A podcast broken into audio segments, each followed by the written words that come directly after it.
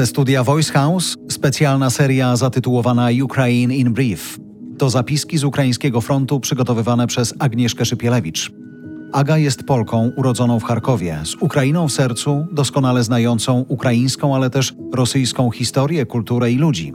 To ważne, żeby zrozumieć Wschód, szczególnie ważne teraz, kiedy poza prawdą na wojnie bardzo szybko umiera kontekst.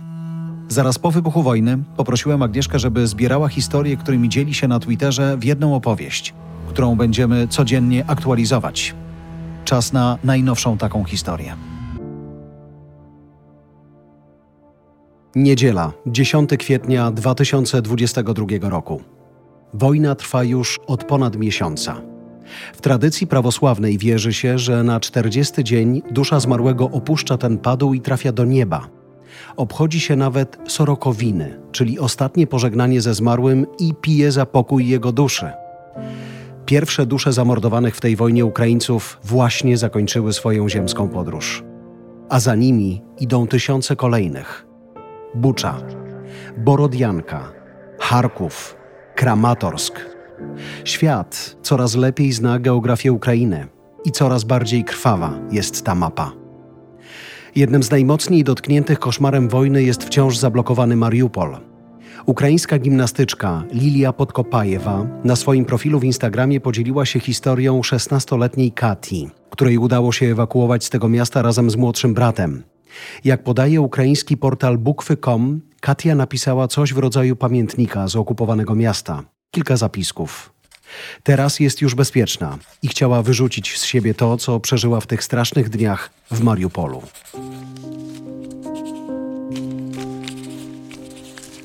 Znacie to uczucie, kiedy boli?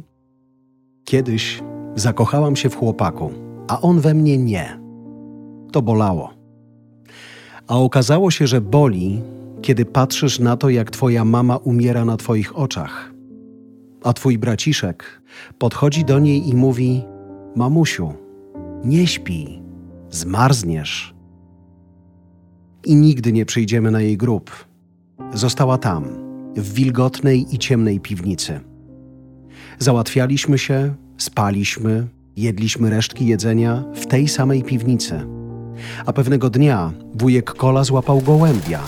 To było chyba piątego czy szóstego dnia. I go upiekliśmy i zjedliśmy. A potem wszyscy wymiotowaliśmy. Mama trzymała się do końca. Trzy dni przed naszą ewakuacją umarła. Powiedziałam bratu, że mocno śpi i nie trzeba jej budzić. Ale on chyba wszystko zrozumiał.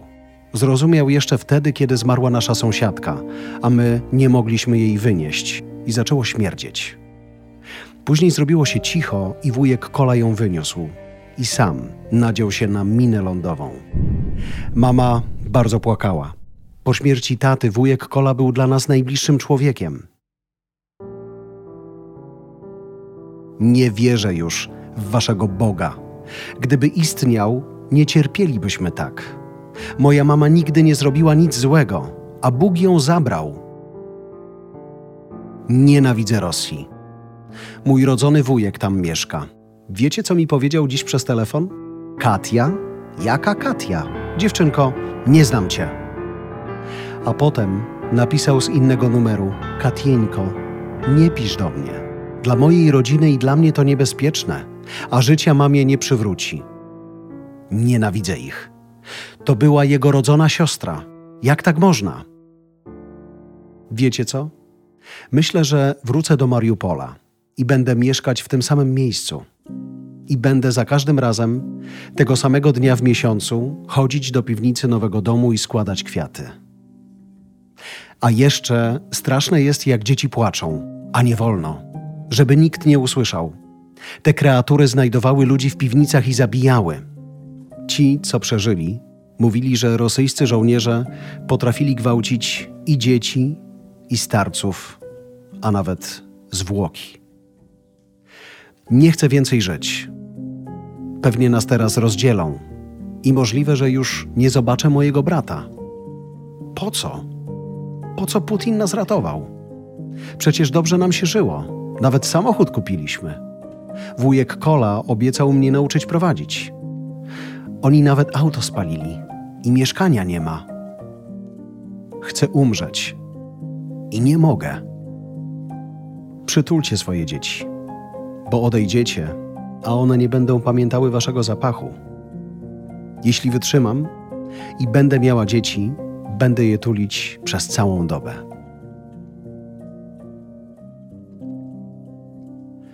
W czasie II wojny światowej podobne zapiski prowadziły dzieci m.in. w oblężonym przez ponad tysiąc dni Leningradzie. Pamiętnik Tani Sawiczewej, w którym jedenastolatka informuje o kolejnych zgonach swoich bliskich z głodu, liczył ledwie dziewięć stron. Stał się symbolem tragedii tego miasta i ofiar II wojny. Dziś to Rosjanie zmuszają dzieci do pisania takich dzienników.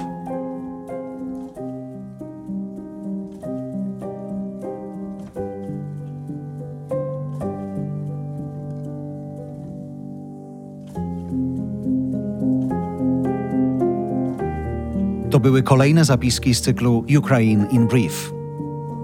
Kierownictwo produkcji Adrian Gronegliszka. Produkcja Dorota Żurkowska. Realizacja Kacper Majdan. Redakcja Agnieszka Szypielewicz i Olga Michałowska. Dźwięk Kamil Sołdacki. Czytał Jarosław Kuźniar.